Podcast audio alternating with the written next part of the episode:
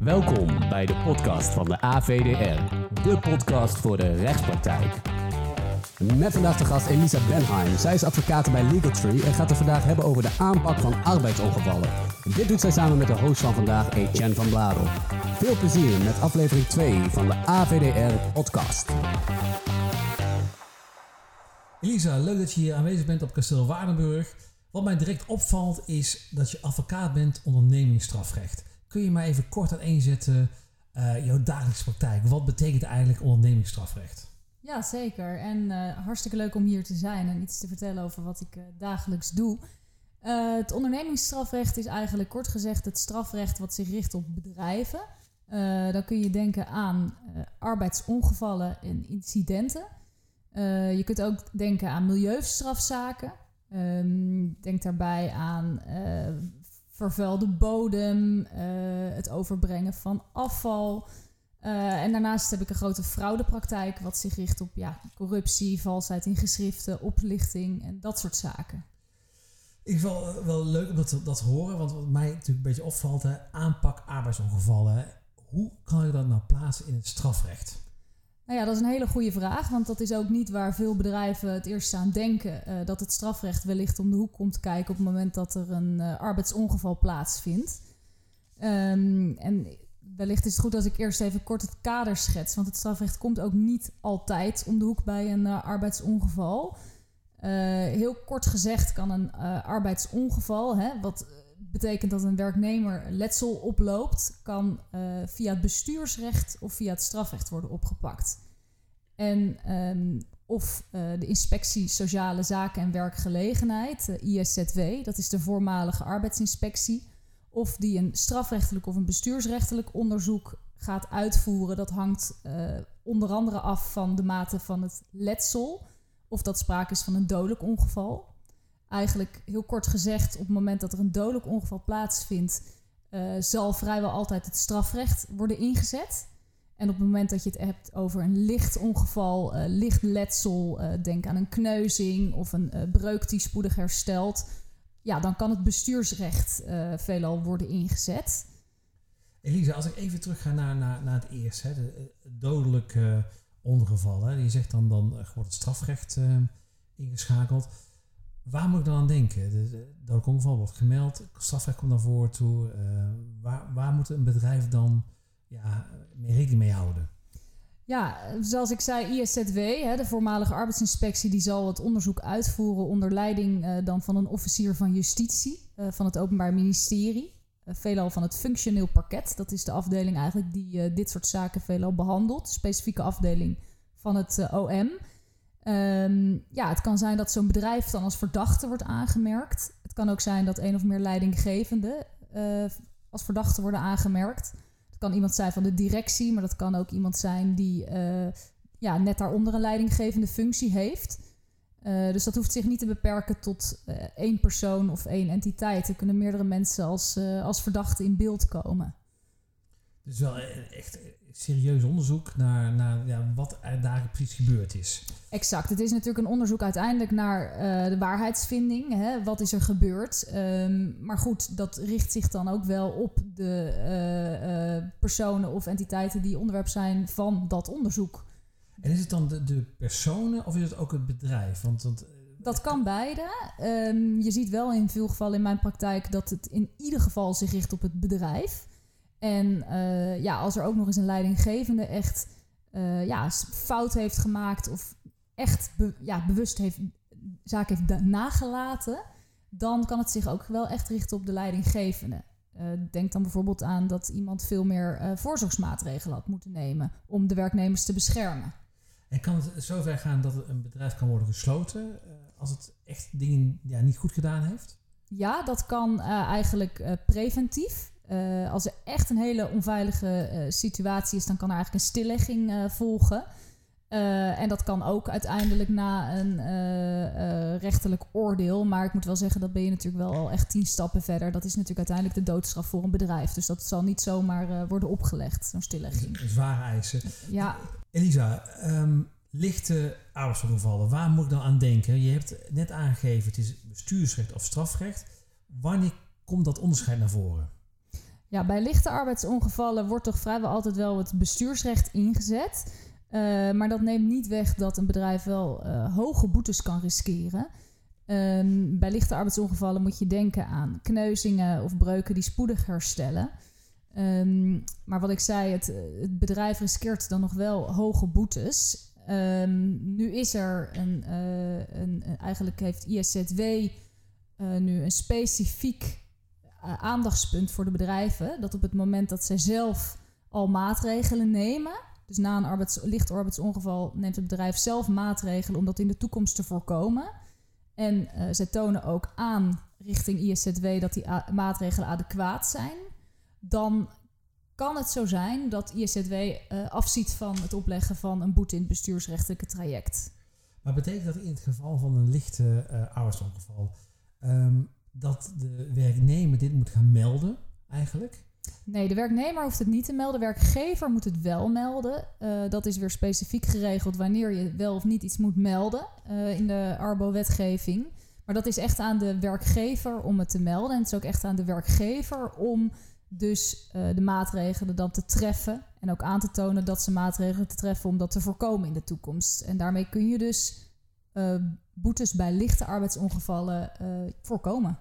Maar dat betekent dus eigenlijk voor een werkgever, dus, dus heel goed ja, omgaan natuurlijk met, als goed werkgeverschap met je uh, medewerkers.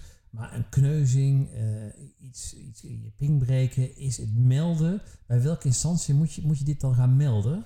Bij ISZW. Um, ehm, en dat is uh, nog wel een heel goed punt wat je aanhaalt. Wanneer moet je iets melden? Want daar krijg ik ook echt wel vaak vragen over. En het is ook niet altijd zo zwart-wit. Uh, veel bedrijven zijn bijvoorbeeld in de veronderstelling dat als hun werknemer uh, maat, uh, werkzaamheden uitvoert op een andere locatie, dat ze het dan niet hoeven te melden omdat het werk op een andere locatie plaatsvindt. Maar dat is niet zo. Hè? Het is nog steeds jouw werknemer. Dus dat luistert wel nauw. En ik zou ook wel bedrijven aanraden om de Arbo-wetgeving daar goed op na te slaan. of ja, in geval van vragen daar contact over op te nemen. Want als je ongeval wat je had moeten melden niet meldt als werkgever um, ja, bega je eigenlijk ook weer een overtreding met hoge boetes. Uh, Elisa, dus voor um, een werkgever is dus enorm van belang dat hij bepaalt van oké, er is hier sprake van een, een, lichte arbeidsongeval. Ik moet dat gaan melden om te zorgen dat ik geen uh, boete krijg. Ja, in de eerste plaats moet hij het melden omdat dat hè, in de wet geregeld is dat je dat moet melden. En het is natuurlijk aan ISZW om dan uiteindelijk te beoordelen. Zijn de maatregelen die zo'n werkgever neemt, zijn die voldoende om het in de toekomst te voorkomen? Um, dan kunnen ze zelf afzien van het opleggen van een boete. Uh, maar dat is een, hè, discretionaire bevoegdheid. Je bent niet uh, gevrijwaard op het moment dat je maatregelen neemt. Maar inderdaad, uh, zij moeten daar dus tijdig bij zijn en het vooral niet op zijn beloop laten. Maar je maakt ook net wel een onderscheid tussen uh, strafrecht en bestuursrecht. We hebben nu even het over lichte ongevallen bestuursrechtelijk. Wanneer komt nu het strafrecht hier om de hoek kijken? Ja, het strafrecht komt dus vrijwel uh, altijd bij dodelijke ongevallen om de hoek kijken. Maar ook uh, kan het om de hoek kijken bij zwaar letsel. dat is eigenlijk even zo gezegd een onduidelijke categorie wanneer nou het bestuursrecht of het strafrecht wordt ingezet. Um, sterker nog, ISZW, hè, de onderzoekende instantie, weet dat ook niet altijd direct nadat uh, dat het ongeval heeft plaatsgevonden. Dat zal echt nog worden, moeten worden kortgesloten met een officier. Um, maar bij echte dodelijke ongevallen uh, maak ik in ieder geval wel mee dat 9 van de 10 keer het strafrecht wordt ingezet. Dus met andere woorden, wat er ook gebeurt voor werkgever, licht of zwaar uh, het melden en is het dan afwachten ja, wat er wordt gekozen, bestuursrecht of strafrecht? Ja, dat klopt wat je zegt. Dat melden, dat moet dan sowieso gebeuren. En um, uiteindelijk uh, de zaken waarin ik de, hè, de werkgevers eigenlijk van het uh, moment uh, wanneer het ongeval plaatsvindt begeleid. Ja, dan help ik hen natuurlijk ook wel in de communicatie met ISZW.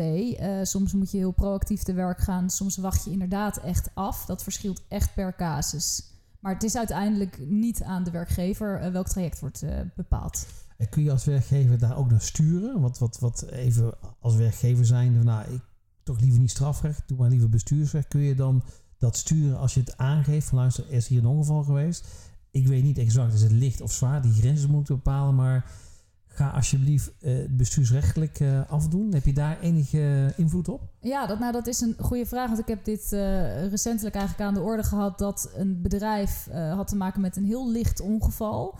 en het was de vraag of het bedrijf het überhaupt moest melden. Want het was de vraag of er nog blijvend letsel zou optreden of dat het heel snel zou herstellen en het eigenlijk het ongeval niet eens meldingsplichtig was.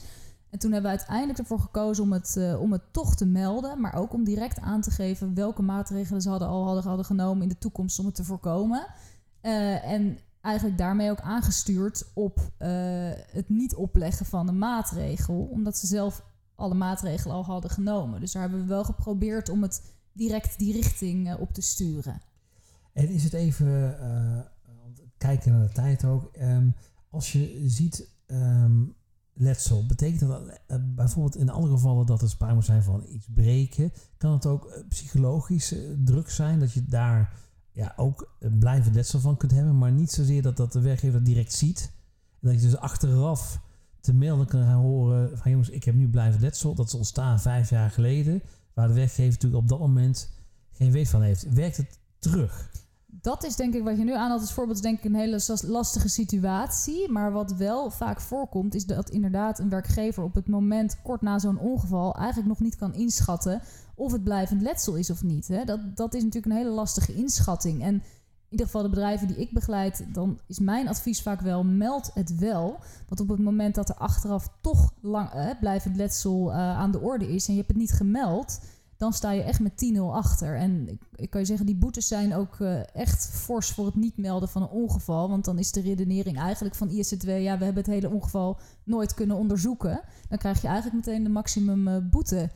Um, dus in zo'n twijfelgeval is het goed om daar echt over te sparren, wel of niet melden en uh, ja, met welke informatie. En, en ook direct maatregelen nemen. Exact, ja. ja. Dat, dat direct in ieder geval doen, sowieso als werkgever. Dat is sowieso goed voor, voor de lichte arbeidsongevallen, maar ook natuurlijk voor de, uh, voor de zware en voor de dodelijke ongevallen. Allereerst natuurlijk vanuit veiligheidsperspectief, menselijk perspectief. Ik bedoel, dat wil je doen voor je bedrijf, voor je werknemers. Maar ook um, in het verdere traject om te laten zien... Uh, Hè, wij zijn van goede wil, wij uh, hebben de maatregelen verbeterd. Dat zal je altijd um, het zal nooit negatief uitwerken um, in de afdoening. Elisa, ik wil toch, toch graag een, een, een praktijkvoorbeeld geven. Um, stel, eh, ik ben uh, eigenaar van, van een blokker of, of zeeman, maakt niet uit. Um, en ik heb medewerkers in dienst. En een van de medewerkers die, die valt over iets wat in het gangpad uh, ligt. En die heeft, breekt zijn been en het is echt een zware breuk. En het is blijvend letsel. Blijvend letsel wat moet ik nu uh, doen als eigenaar van, van, van zo'n bedrijf? Als werkgever behoor je dat ongeval te melden bij ISZW. Uh, en dan zal daar een, uh, een, een, een ongevalsonderzoek plaatsvinden naar de, naar de toedracht van dat ongeval. Stel nu voor dat ik dat vergeten te doen ben, gewoon echt vergeten. Ik, ik, heb, ik draag mijn medewerkers een warm hart toe. Ik ga naar het ziekenhuis. Ik, heb, ik, ik, ik, ik steun me overal in. Alleen ik maak die melding niet. En nu komt hij over vier jaar komt er een conflict. Hij gaat weg en hij zegt: hey, er is niet gemeld. Wat dan? Nou ja, dan kan ISZW dat uh, oppakken als aparte overtreding. Het niet melden van zo'n uh, van zo'n arbeidsongeval. En daar zou uh, in bestuursrecht een hoge boete voor kunnen worden opgelegd. Mag, zou ik um, hardop denken hoor. Ik, ik, ik, heb natuurlijk geen, geen cijfer. Denk je dat veel bedrijven dit nu ook echt weten? Kijk, logistiek, eh, zware, zware arbeid, uh, lopende banden. Daar snap ik dat dat uh, ja, gevallen hoger kunnen zijn. Maar een gewoon bedrijf, blokken, zeg waar, waar je dat niet zou verwachten. Denk je dat echt dat veel werkgevers dit weten? Nou ja, jij noemt nu inderdaad een blokker. Ik denk dat die dat in die zin wel weet qua juridische afdeling. Maar om een voorbeeld te noemen, ik, ik sta ook veel transportbedrijven bij. En dat zijn ook wat kleinere ondernemingen. Uh, of althans, ze, vervoeren veel, maar met wat minder personeel. En die hebben natuurlijk niet een hele juridische afdeling. En zeker op het moment dat zo'n werknemer dan arbeidsongeval krijgt op een hele andere locatie. Bijvoorbeeld hij is aan het lossen op een hele andere locatie en daar vindt een ongeval plaats. Dan weten uiteindelijk uh, veel werkgevers inderdaad niet dat zij dat nog steeds moeten melden. Omdat het gaat om een werknemer van hen. En um, ja, dan pleit dat je niet vrij het enkele feit dat je dat, uh, dat je dat niet wist. Want dan behoor je toch de wet, de wet te kennen. Dus inderdaad, dat, er is eh, eh, ja, zeker een, eh, een grote groep die, eh, die daar niet volledig mee bekend is. Dus met andere woorden, de, de luisteraars van dit, deze podcast, die eh, ook werkgever zijn, ga je goed informeren en kom eh, en stel de vraag aan Elisa met betrekking tot eh, deze problematiek. Want de boetes kunnen, eh, wat ik eh, jou heb horen zeggen, heel hoog zijn als je iets vergeet. Ja, het begint echt bij de vraag: moet ik dit melden? En dan vervolgens inderdaad, eh, eh, welke informatie verstrek ik bij die melding? Maar het begint echt bij de vraag: moet ik melden? En dat moet je ook onverwijld eigenlijk melden. Dus daar moet je ook niet eh, te lang mee wachten. Hè? Dan heb ik het dus echt over dezelfde dag of de dag later. Lisa, dankjewel voor jouw hele uiteenzetting. Belangrijk is denk ik om, mee, om werkgevers mee te geven. Check ARB wat je allemaal doet op het gebied van arbeidstechnisch als alles in orde is. En voorkom eh, boetes en voorkom eh strafrechtelijke onderzoeken als er iets eh, ongeval plaatsvindt. Exact. En eh, ja, het veiligheidsbelang en het veiligheidsbesef natuurlijk ook. Zeker. Bedankt voor het luisteren naar deze aflevering van de AVDR-podcast. Check de website www.avdr.nl voor meer unieke content voor de rechtspraktijk. Nogmaals bedankt en tot de volgende aflevering.